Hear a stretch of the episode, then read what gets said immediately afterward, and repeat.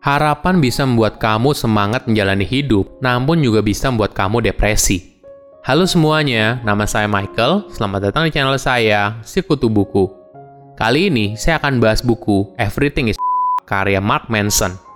Sebelum kita mulai, buat kalian yang mau support channel ini agar terus berkarya, caranya gampang banget. Kalian cukup klik subscribe dan nyalakan loncengnya. Dukungan kalian membantu banget supaya kita bisa rutin posting dan bersama-sama belajar di channel ini. Buku ini membahas soal pendekatan kita yang kurang tepat tentang hidup bahagia. Setiap orang pada dasarnya punya harapan. Tidak peduli apa pun kondisi yang kita jalani, kita semua berharap hidup yang lebih baik. Namun sayangnya, cara kita melihat sebuah harapan cenderung kurang tepat. Bagaimana jika hidup yang kita jalani malah tidak bisa mencapai impian tersebut? Kita hidup dalam dunia yang cenderung jauh lebih baik daripada generasi sebelumnya. Jumlah perangnya sedikit, makanan cenderung melimpah, dan sebagainya. Walaupun begitu, tingkat kecemasan dan depresi semakin meningkat. Manson berargumen semua hal ini ada kaitannya dengan harapan. Bagaimana kita menghubungkan harapan dengan masa depan yang sulit dicapai? Saya merangkumnya menjadi tiga hal penting dari buku ini. Pertama, apa itu harapan? Ada sebuah kenyataan yang tidak menyenangkan, kamu dan semua orang yang kamu kenal suatu hari akan meninggal. Semua hal yang sedang kamu pikirkan dan pusingkan dalam cakupan yang lebih luas cenderung tidak berarti. Ini adalah kenyataan dalam hidup. Namun, tidak semua orang menyadarinya dan mereka perlu diingatkan. Bukan berarti jika semua hal ini pada akhirnya tidak berarti, maka kita tidak perlu melakukan apa pun. Ini juga tidak benar. Sepanjang zaman, harapan selalu menjadi pendorong bagi banyak orang untuk menjalani hidup dan bertahan dalam kondisi yang sulit. Entah itu untuk masa depan kita sendiri, orang lain, atau orang sekitar kita, harapan adalah dorongan kuat bagi manusia. Sebagai contoh, Witold Pilecki merupakan anggota militer Polandia. Selama hidupnya, dia punya satu harapan besar, yaitu kemerdekaan Polandia. Harapan itu mendorong dia untuk mendaftar sebagai anggota gerakan perlawanan dan bahkan dia menjadi sukarelawan agar ditangkap oleh pasukan Nazi untuk bisa membebaskan tahanan di penjara yang ada di Auschwitz. Setelah Perang Dunia Kedua, perlawanan Witold masih berlanjut, kali ini melawan pasukan komunis. Hasilnya, dia ditangkap dan kemudian disiksa selama dua tahun sebelum akhirnya dibunuh pada tahun 1948. Walaupun dalam kondisi yang sangat suram, dia bilang kalau dia sudah bisa meninggal dengan bahagia karena dia sudah melakukan segalanya untuk kemerdekaan Polandia. Cerita Witold menjelaskan betapa hebatnya sebuah harapan. Namun anehnya, ketika kondisi dunia saat ini setidaknya jauh lebih baik saat Witold hidup, kenapa tingkat kecemasan dan depresi terus meningkat? Kenapa banyak orang merasa tidak punya harapan?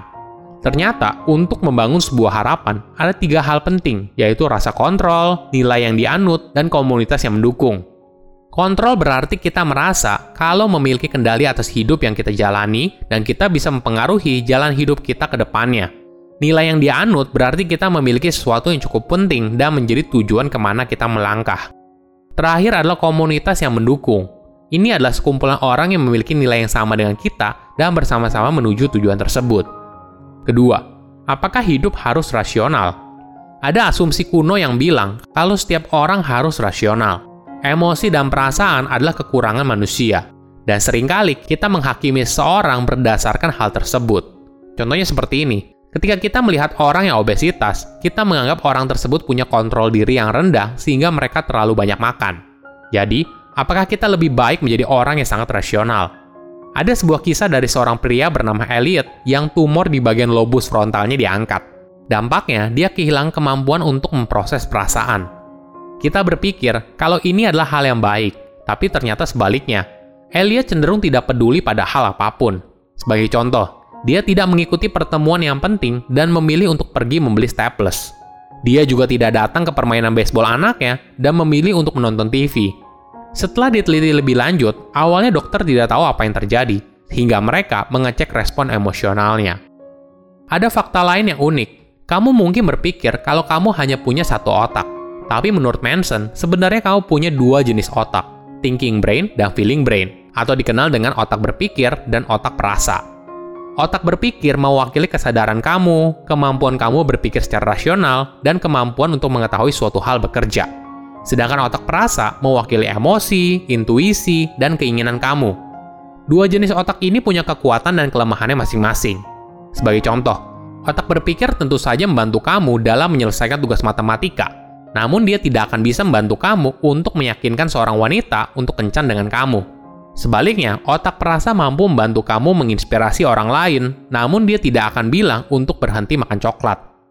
Dari kedua jenis otak ini, otak perasa adalah bosnya dan merupakan kapten kapal, sedangkan otak berpikir hanya sebagai anggota.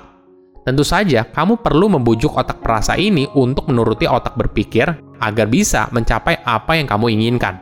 Contohnya seperti ini, kamu perlu membujuk otak perasa kamu untuk mulai berolahraga namun, apabila kamu melakukan satu sesi olahraga penuh, pasti otak perasa kamu menolak.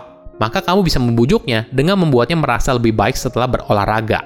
Betapa bangganya punya badan yang bagus ketika sedang ke pantai. Atau betapa senangnya kamu ketika dipuji oleh orang lain atas badan kamu yang semakin bugar.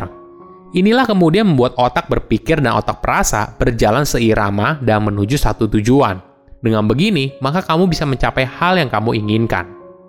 Ketiga, harapan, dan menjalani hidup. Dalam hidup, kita harus bisa menjalaninya apa adanya. Contohnya begini, saya tidak bahagia dengan hidup yang saya jalani sekarang, dan saya berharap hidup saya berubah. Walaupun terlihat kalau harapan ini memberikan makna, namun di sisi lain malah membuat kita tidak bahagia.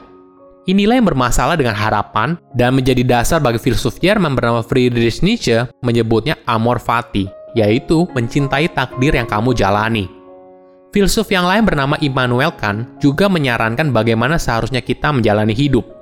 Bagi kamu yang tidak mengenal Immanuel Kant, dia adalah filsuf yang pernah memberikan masukan kalau perdamaian dunia hanya tercipta apabila ada pemerintahan global. Nah, ini yang menjadi inspirasi dari pendirian Perserikatan Bangsa-Bangsa atau dikenal dengan nama PBB. Bukan hanya itu, Kant juga membahas konsep soal kemanusiaan. Dia bilang, jangan berperilaku transaksional dalam berbuat kebaikan. Jadi, Ketika kita berbuat baik kepada seseorang, jangan berharap kalau orang itu akan membalas kebaikan yang kita lakukan. Tapi, berbuat baik karena itu adalah hal yang benar. Contoh lainnya seperti ini. Ketika kecil, kita tidak mencuri karena kita takut ketahuan. Namun ketika dewasa, kita tidak mencuri karena itu tidak sesuai dengan nilai yang kita anut. Ini adalah cara orang dewasa bertindak.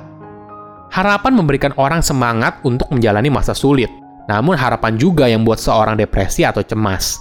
Itulah sebabnya kita harus melihat harapan dengan lebih bijaksana dan menjalani hidup apa adanya. Silahkan komen di kolom komentar pelajaran apa yang kalian dapat ketika baca buku ini. Selain itu, komen juga mau buku apa lagi yang saya review di video berikutnya. Saya undur diri, jangan lupa subscribe channel YouTube Sikutu Buku. Bye bye.